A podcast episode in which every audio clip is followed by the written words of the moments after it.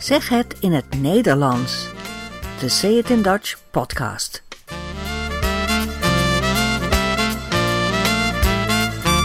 Nummer 30. In deze aflevering spreken we over auto's, files, snelwegen en andere wegen in Nederland. Het mediafragment gaat over daten in coronatijd. We hebben ook weer een beetje muziek. Veel plezier met deze dertigste aflevering van Zeg het in het Nederlands. Het wordt steeds lastiger om gezellig over Nederlandse dingen te praten. Het publieke leven ligt bijna helemaal stil. Je kunt nergens naartoe. Alles is dicht en de mensen in het land worden steeds bozer op de regering. Dat is niet alleen in Nederland zo natuurlijk. Nu hebben we ook nog een avondklok. Dat is een woord uit de Tweede Wereldoorlog en veel mensen zijn hier woedend om. Want we mogen tussen negen uur s avonds en half vijf s morgens helemaal niet meer naar buiten. Dat is sinds de Duitse bezetting niet meer gebeurd in dit land. Er zijn veel mensen die zeggen dat Nederland geen vrij land meer is. En eerlijk gezegd ben ik het wel met ze eens. Maar dit zijn geen leuke dingen om hier over te praten en dat doe ik dan ook liever niet. Laten we het over andere dingen hebben. In aflevering 28 van deze podcast had ik het over de fiets. Vandaag praten we maar eens over de auto. Ik reed vorige week van Groningen naar Zierikzee. Zierikzee ligt in de provincie Zeeland. En Groningen, waar ik woon, ligt in het noordoosten van Nederland en Zierikzee in het zuidwesten. Dus ik reed van noordoost naar zuidwest. Als er geen files zijn, geen verkeersproblemen die zorgen dat je moet stilstaan, dan kun je in vier uurtjes rijden van de ene kant van Nederland naar de andere kant van Nederland, van Groningen naar Zeeland. En ook van Maastricht in het zuidoosten naar Den Helder in het noordwesten is ongeveer vier uur reizen. Zo groot, of liever gezegd, zo klein is Nederland. Als Nederland een vierkant was, dan was het 200 kilometer lang en 200 kilometer breed.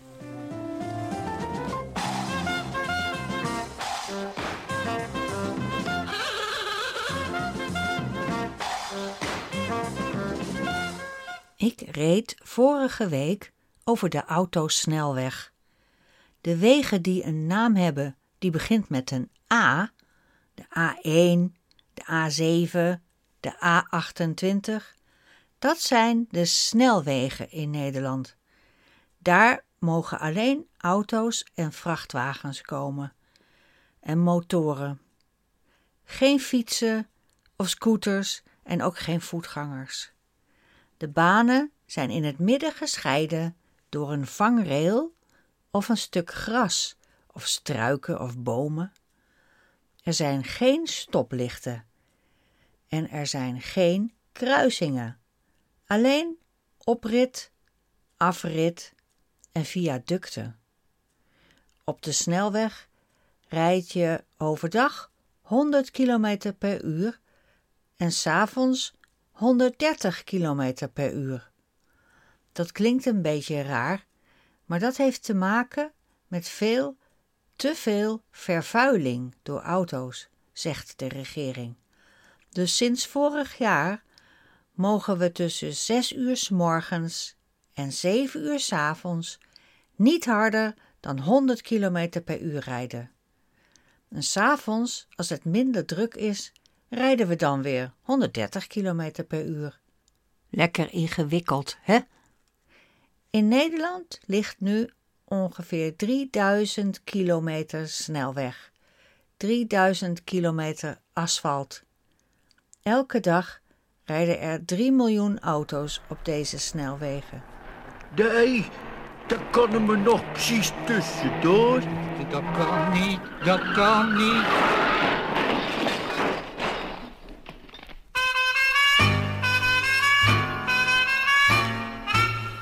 We hebben een ongeluk gehad met het autootje, met het autootje, met het autootje. Gebeurde hier midden in de stad met het autootje, met het autootje, met het autootje. En ik zei nog, laten we even wachten, we kunnen er zo niet door. Maar hij zei, Heet die bus die stopt wel. Rechtsverkeer gaat voor. nou hebben we enkel en alleen nog maar een fotootje van het autootje, van het autootje. En de lampen en de bumper en het stuur. Het is te koop voor 7,50 of vindt u dat nog te duur? De eerste snelweg in Nederland was bij Voorburg, niet zo ver van Den Haag. En het was een paar jaar voor de Tweede Wereldoorlog. Deze weg, de A12, had ook een vluchtstrook. Dat was nieuw. Dat is de baan aan de rechterkant van de weg, die je alleen kunt gebruiken als je autopech hebt. Of die de politie kan gebruiken als er een ongeluk is geweest. De drukste snelweg in Nederland is de A4 bij Den Haag. Daar komen elke dag 300.000 auto's voorbij. Er zijn regelmatig files.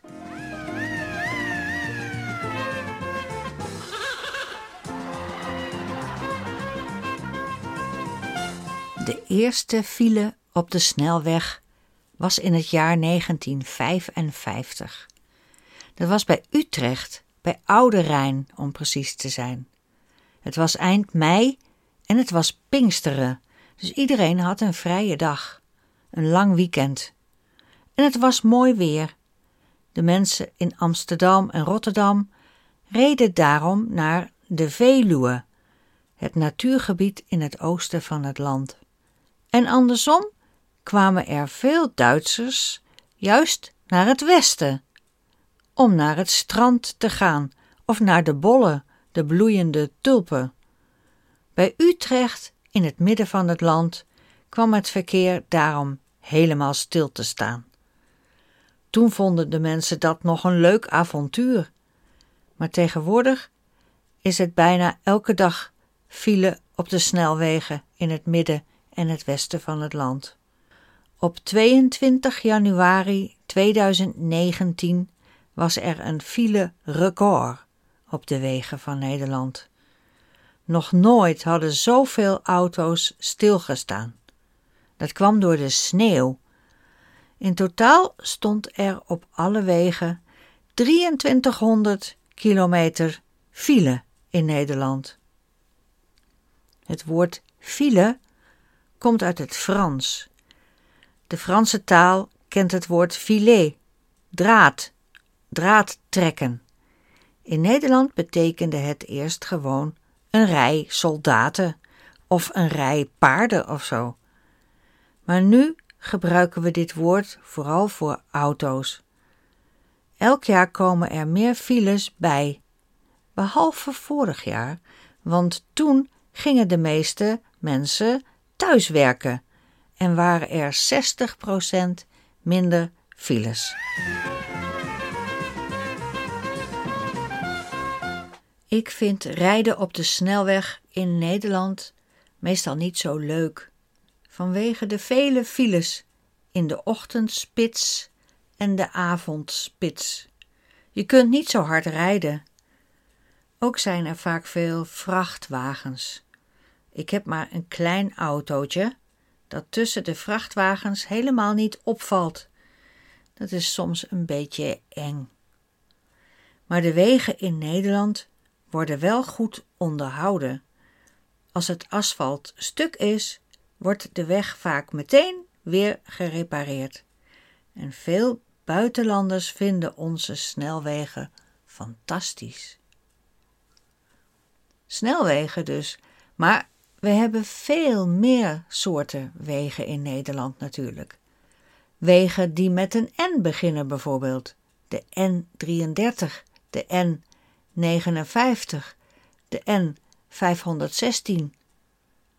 Hier heb je geen scheiding in het midden, alleen een witte streep. En meestal heb je maar één baan waar je kunt rijden.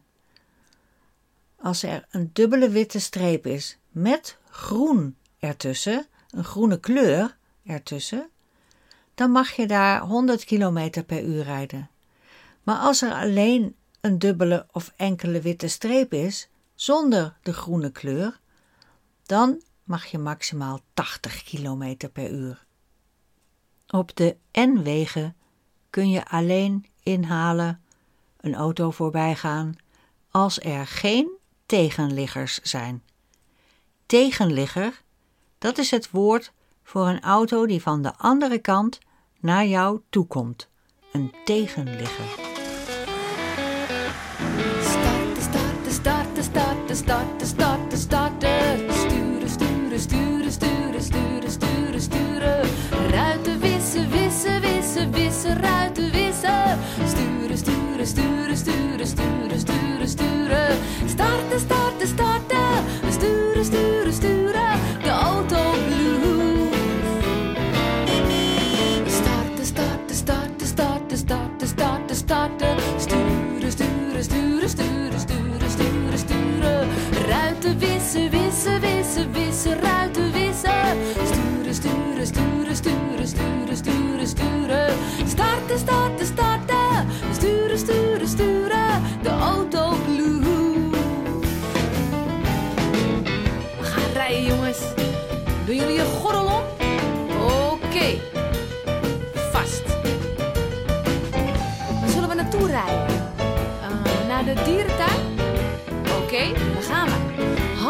Hou je goed vast.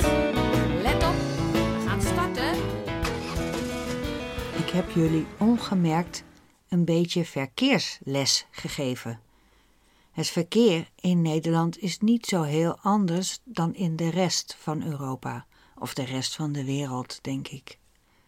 De regels zijn bijna overal hetzelfde, maar soms is de leeftijd of de snelheid anders.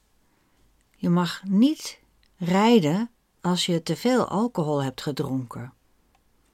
Al jarenlang zijn er campagnes tegen dronken achter het stuur, dronken rijden.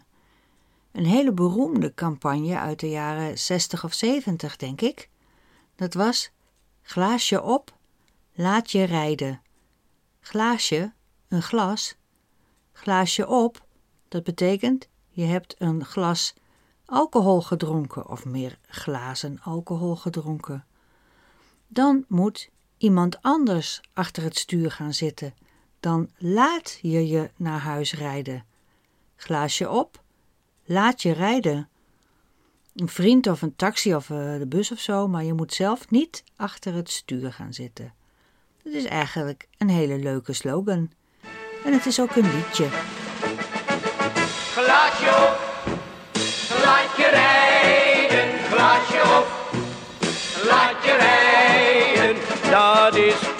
goede raad. Wanneer je wat onzeker op je benen staat. Glaasje op, laat je rijden. Glaasje op, laat je rijden. Maak de borrel die je drinkt niet extra duur. Glaasje op niet achter een stuur. Willem ging eens rijden met Tegenwoordig loopt er een Europese campagne die in België is begonnen. Daar hebben ze het over de Bob. Dat is iemand in een groep mensen die uitgaan en deze persoon is aangewezen als de Bob. Die drinkt dan die avond geen alcohol en is op de terugweg de chauffeur, de persoon die achter het stuur gaat zitten, de Bob. Deze persoon moet nuchter blijven. Je mag namelijk niet rijden onder invloed. Dat betekent onder invloed van alcohol. Rijden onder invloed is een van de belangrijkste oorzaken van verkeersongelukken, staat er op de website van de politie. De politie controleert vaak of de bestuurder heeft gedronken, met een blaastest. Dan moet je in een pijpje blazen. Ik ben zelf toevallig nog nooit gecontroleerd, maar nu ik dit gezegd heb, gaat het natuurlijk binnenkort gebeuren. Even afkloppen. In Nederland moet je 18 jaar zijn om zelfstandig een auto te mogen besturen. Je moet een rijbewijs hebben. En een rijbewijs krijg je als je geslaagd bent voor je rijexamen. En dat rijexamen doe je na een aantal rijlessen bij een rijschool. Allemaal woorden met rij erin. Rijden. Ik kan me mijn rijexamen nog wel herinneren. Al is het echt een andere tijd, zo lang geleden. Ik was net 18 geworden en ik begon meteen met rijles. Ik vond het geweldig om achter het stuur te zitten. De rijschool had gezegd dat het soms heel lang duurde voordat je examen kon doen. Het was erg druk. Ze zeiden dat ik maar het beste meteen een examen kon aanvragen en dan kwam ik misschien over een half jaar wel aan de beurt. Maar ik kreeg al heel snel een uitnodiging om examen te doen. Ik had toen nog maar twaalf rijlessen gehad, maar ik wou het natuurlijk wel proberen. Ik studeerde hard voor het theorie-examen en dat ging goed. En toen kwam het praktijkexamen, rijden. De examinator, de persoon die het examen moest afnemen, die zat naast mij en gaf instructies. Linksaf, rechtsaf, hier parkeren en zo. Maar ik kon het dus nog niet zo goed. Dus ik reed een beetje te hard.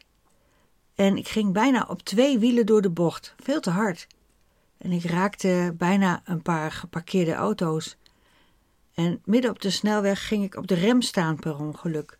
En elke keer moest de examinator aan het stuur trekken om te corrigeren. En toen we terugkwamen, toen stapte hij uit en hij zei meteen: Je hebt de auto nog niet onder controle. Je bent gezakt. En later hoorde ik van de rijinstructeur, de man, dus de docent die mij uh, altijd rijles gaf, dat deze examinator op die dag helemaal wit om zijn neus binnen was gekomen. Hij stond te trillen op zijn benen en hij had gezegd dat hij nooit meer examen wou afnemen. Hij was zo bang geweest bij mij in de auto. Daarna heb ik natuurlijk nog een aantal lessen gedaan. En de tweede keer was het examen op zaterdagmorgen in de mist met een andere examinator. En er was gewoon bijna niemand op de weg, dus dat was niet zo moeilijk. En toen ben ik geslaagd. Ik rij inmiddels al jarenlang zonder schade, dus mensen die bij mij in de auto stappen, hoeven echt niet bang te zijn hoor. Hé, hey, Sjan, stap in. Ho hoezo? Ja, stap er maar gewoon in. Ho wat gaan we doen? Ja, we gaan gewoon even een stukje rijden. Een stukje rijden? Bedoel je niet een potje rijden? Ja, dat kan ook. Oké, okay, is goed. Dan gaan we gewoon een... Uh... Lekker potje rijden, rijden. Lekker potje rijden, rijden. Lekker potje rijden, rijden. Lekker potje rijden, rijden. Een lekker potje rijden, dat doen we niet alleen. We komen met z'n tweeën en dan mat hij achterin. We gaan niet meer naar huis, kijken zitten voor de buis. Dus ik pak mijn autosleutels en we zitten helemaal... Ik wil jullie weer heel erg bedanken voor jullie donaties. En ook voor dit nieuwjaarswensen die ik mocht krijgen. Doneren kun je doen via de website dutchidiom.com. Ik heb ook een paar reacties gekregen. Kort mailtje van Luca de Souza. Die zegt: Zojuist over deze podcast gehoord. Het is iets waar ik lang naar op zoek was. Ik ben een beginner, maar ik kan dit begrijpen na twee of drie keer te hebben geluisterd. Sorry dat ik de hulp van Google had om dit bericht te vertalen. Ga zo door. Dankjewel, Luca. Leuk bericht.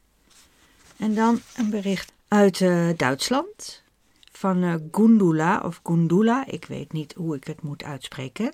Eh, zij had een vraag over de muziek van de vorige aflevering. De muziek van Gijsbrecht van Amstel. En daarna kreeg ik dit mailtje. Dank je wel voor je antwoord. Ik ben er heel gelukkig mee dat ik uw podcast gevonden heb. Ik wilde al lange tijd mijn Nederlands opfrissen. Ik had de boeken van Olly Richards gevonden, waar hij verhalen en het middenniveau schrijft.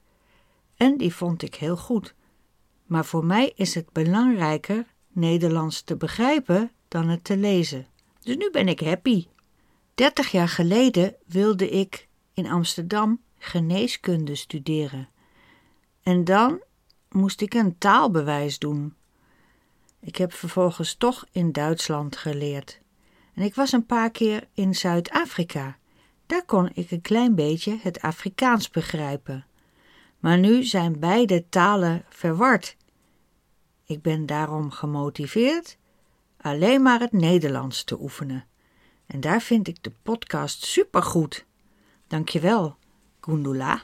Inderdaad, Zuid-Afrikaans en Nederlands zijn familie van elkaar en het lijkt erg op elkaar, maar het zijn toch twee verschillende talen, dat klopt. Bedankt voor je bericht, eh, Gundula. En heb ik nog een ander bericht uit Duitsland van Sarah. Hoi, ik ben Sarah uit Duitsland. Omdat ik sinds twee jaren een relatie heb met een Nederlander, zou ik graag een beetje Nederlands leren. Wij lezen samen de Harry Potter boeken, mijn vriend in het Duits en ik in het Nederlands. Dat helpt mij om het geschreven Nederlands beter te verstaan. Maar voor mij is het steeds moeilijk een conversatie te volgen. En dankzij jouw podcast begrijp ik ondertussen veel meer. En trouwens leer ik heel veel leuke dingen over cultuur en Nederland zelf. Ik luister naar je podcast op mijn weg naar mijn kantoor. Ik was heel triest toen ik bij de, de laatste aflevering van jouw podcast aangekomen was. En heel opgelucht te horen dat er nu nieuwe afleveringen zullen komen. Ik heb nog geen andere Nederlandse podcast gevonden waarover ik zo enthousiast ben. Hartelijk bedankt. En dan zegt Sarah ook nog: In de laatste aflevering lees jij verschillende reacties voor, bijvoorbeeld van een meisje dat de muziek te snel of te moeilijk te volgen vindt. Daar ben ik het niet mee eens. Ik denk dat het goed is om ook iets in een normale snelheid te horen, zelfs als je niet elk woord verstaat. Eh, ik begrijp wat je bedoelt, maar ik denk dat deze reactie over het volume ging, over de muziek die hard was en de stem die zacht was. Want hard gebruiken we voor snelheid, maar ook voor volume. Dankjewel voor je leuke bericht, Sarah. Kunt u dat herhalen? Kunt u dat herhalen? Dit is een fragment van een praatprogramma op de televisie. Koffietijd heet het. Een van de onderwerpen is online daten in tijden van corona. De twee presentatrices praten met drie BN'ers, bekende Nederlanders, in de rubriek Koffieleuters. Koffieleuten, dat is babbelen of praten. Ze praten met Juvat Westendorp, dat is een acteur en een danser. En met Rick Brandsteder, tv-presentator. En met Jan Heemskerk, journalist. Hier hoor je de korte intro. Eh, Eerst gaan we met onze koffieleuters het hebben over online daten tijdens de coronacrisis. Het is donderdag, 14 januari. Welkom bij Koffietijd. Online daten. Dat is meer Engels dan Nederlands. Dat gebeurt tegenwoordig vaak, vooral bij alles wat met internet te maken heeft. Allemaal Engels. Maar daten maken we wel tot een Nederlands werkwoord. Ik date, wij daten, wij hebben gedate. Je zult straks horen dat we dat ook met Tinder doen. Ik heb nog nooit getinderd, zegt iemand. Oké, we gaan luisteren. Rick en Joevat, jullie zijn allebei nog vrijgezel. Ja. Is dat nou een bewuste keuze of heeft de dame, de enige ware, zich nog niet aangediend? Joevat. Nou, ik denk, denk dat het eh, met tijden is dat een bewuste keuze. Maar over het algemeen denk ik dat we allemaal op zoek zijn naar liefde. Als ik kijk naar eh, wat ik het liefst wil, wil ik echt een, eh, dat huisje, boompje, beestje. Ik wil, een, eh, ik wil een vrouwtje, ik wil kinderen, ik wil lekker vrijstaand wonen op een boerderijtje ergens. Dat is echt het, het, het, het plan wel. Nou, ik denk dat we allemaal op zoek zijn naar liefde. Juvat schetst hier zijn plan. Hij wil huisje, boompje, beestje. Dat is een uitdrukking voor een gezin hebben en een regelmatig leven. Een huisje, een boompje, een beestje. Hij zegt: Ik wil een vrouwtje, ik wil kinderen, ik wil lekker vrijstaand wonen. Dat betekent dat je een huis hebt zonder buren. Geen flat of een rijtjeshuis, maar vrijstaand. Een boerderijtje ergens. Maar dat lukt nog niet, vertelt hij hierna. Het, het, eh, het wil maar niet eh, lukken, eh, laten we het zo Ja, zeggen. ja, dus het is je geen bewuste vragen? keuze. Ja, dat is Nee, het, is, het is niet per se een bewust, het is niet per se een bewuste keuze. Soms denken we, oké, nu is het fijn om even, even alleen te zijn. Ja. Maar op de een of andere manier, soms dan, dan ben, ik, ben ik aan het daten met iemand... en dan is het hartstikke leuk voor een paar maanden. En dan denk ik toch, ja, dit is het niet. Oké, ja. Ik heb een hele hoge meetlat. En dat, dat, ik zeg altijd, ja, is dit de moeder van mijn kinderen? Ja, heel goed. En dat is een hele Ga ik gekke... oud worden met deze dat is heel oneerlijk Je eigenlijk. krijgt bijval van Rick. Heel goed. Nee, zeker. Denk jij eh, ook zo? Ja, ja? zeker. Ja. En, nou ja, je moet wel eh, door daten moet je er wel natuurlijk achter ja, komen of, of het de moeder van je kind is. Ja. Maar je kan wel in een blikje kan je wel denken, nou die, die maakt kans. Ja, ja, ja. Oké. Nee, het is niet per se een bewuste keuze, zegt Juvat. Soms dan ben ik aan het daten met iemand en dan is het hartstikke leuk voor een paar maanden en dan denk ik toch, ja, dit is het niet. Ik heb een heel hoge meetlat. Ik zeg altijd, ja, is dit de moeder van mijn kinderen? Rick heeft dat ook. Die denkt ook zo. Je moet wel door het daten erachter komen. Dus ontdekken of het de moeder van je kind is.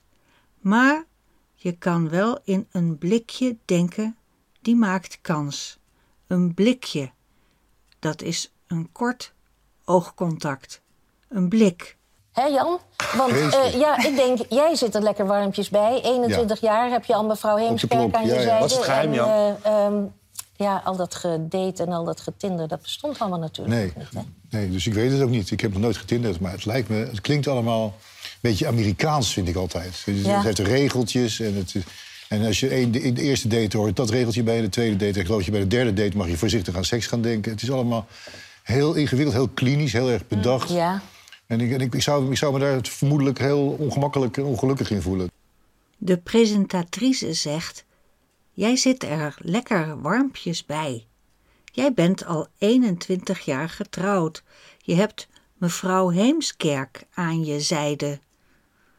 Wat is je geheim, Jan? zeggen Juvat en Rick. Jan zegt: Het klinkt allemaal een beetje Amerikaans, met regeltjes. Bij de eerste date hoort dat regeltje. En bij de tweede date, ik geloof dat je bij de derde date voorzichtig aan seks mag denken. Het is allemaal heel ingewikkeld, heel klinisch, heel erg bedacht. En ik zou me daar vermoedelijk heel ongemakkelijk, heel ongelukkig in voelen. Tinderen jullie? Nee. Nee. Nee. Nee, Nee, ik dus zit op buienradar. Ja. Dat is ook... nee, maar ik vind het juist leuk, een beetje het ouderwetse. En dat, dat, corona, door die corona is het wel weer een beetje ouderwets daten. En je gaat weer in plaats van, eh, van een bowlingbaan of een bioscoop... ga je een, een strandwandeling of een boswandeling maken. Ja. En, Wandelen zitten, en wat het ja. leuke is van die corona is dat de spanning wordt opgebouwd. Want je moet toch een beetje anderhalve meter eh, afstand houden. Als het een beetje spannend wordt, kruip je naar 1,30. Weet je, dan ga je weer een beetje... Nee, ik bedoel, en er, er bouwt iets op. En als het echt leuk is, dan op een gegeven moment doe je een sneltest... en dan vlieg je elkaar in de armen. Maar hoe kom je dan in contact met elkaar als het niet via Tinder gaat? Tinderen jullie? vraagt de presentatrice aan de twee jongere mannen, Juvat en Rick. Nee, zeggen ze. Dan maakt Rick een grapje. Hij zegt: Ik zit op buienradar. Buienradar.nl is de website die vertelt of het gaat regenen. Buien, dat zijn korte regentijden. Voor een strandwandeling of een boswandeling is dat belangrijk. Ze praten hier een beetje door elkaar. Daarna vertelt Rick hoe zo'n afspraak in deze tijd verloopt. De spanning wordt opgebouwd, want je moet anderhalve meter afstand houden. En als het een beetje spannend wordt, maak je de afstand wat korter. Hij zegt, dan kruip je naar 1,30. En als het leuk is, doe je op een gegeven moment een sneltest, dat is de COVID-19-test, die direct antwoord geeft. En dan vlieg je elkaar in de armen. De presentatrice vraagt: Hoe kom je dan in contact met elkaar? Ze bedoelt: Hoe vind je dan een nieuw meisje om mee te gaan wandelen? Ze krijgt daar niet echt antwoord op. Nu hoor je weer Jan Heemskerk. Die zegt dat mooie mannen gemakkelijk een date hebben die kunnen denken, nou ja, morgen weer een andere date. Weet je Ja, wel? ja, Of overmorgen nog een andere date. En dan, en dan heb je de zesjes, zoals ik, die moeten heel lang ploeteren voor die ene kans. Maar heb je wel En als die, als die kans komt, dan blijf je ook 21 jaar zitten. Want eh, weet je wel. het, is niet zo, het, is niet, het is niet zo dat ik de deur uit kan stappen en zeggen: Doe mij niet mevrouw Heemskerk. Morgen weer een andere date, weet je wel? En overmorgen weer een andere date. En dan heb je een zesje zoals ik. Een zesje is een soort rapportcijfer. Een zes op de schaal van 1 tot 10. Een zesje moet heel lang ploeteren voor die ene kans. Ploeteren, dat is hard werken. Maar als die kans komt, dan blijf je ook 21 jaar zitten. Het is niet zo dat ik eruit kan stappen en zeggen: Doe mij een nieuwe mevrouw Heemskerk. De anderen moeten daar hartelijk om lachen. En dit is een mooi moment om dit fragment te beëindigen. We zijn aan het einde gekomen van deze aflevering. Lees meer, reageer of doneer via dutchidiom.com of stuur een mailtje naar info@sayitindutch.com. Tot ziens.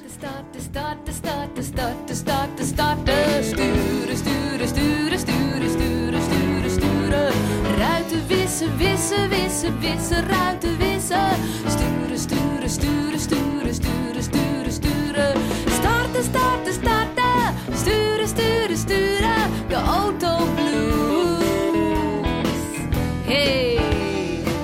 bijna, hè?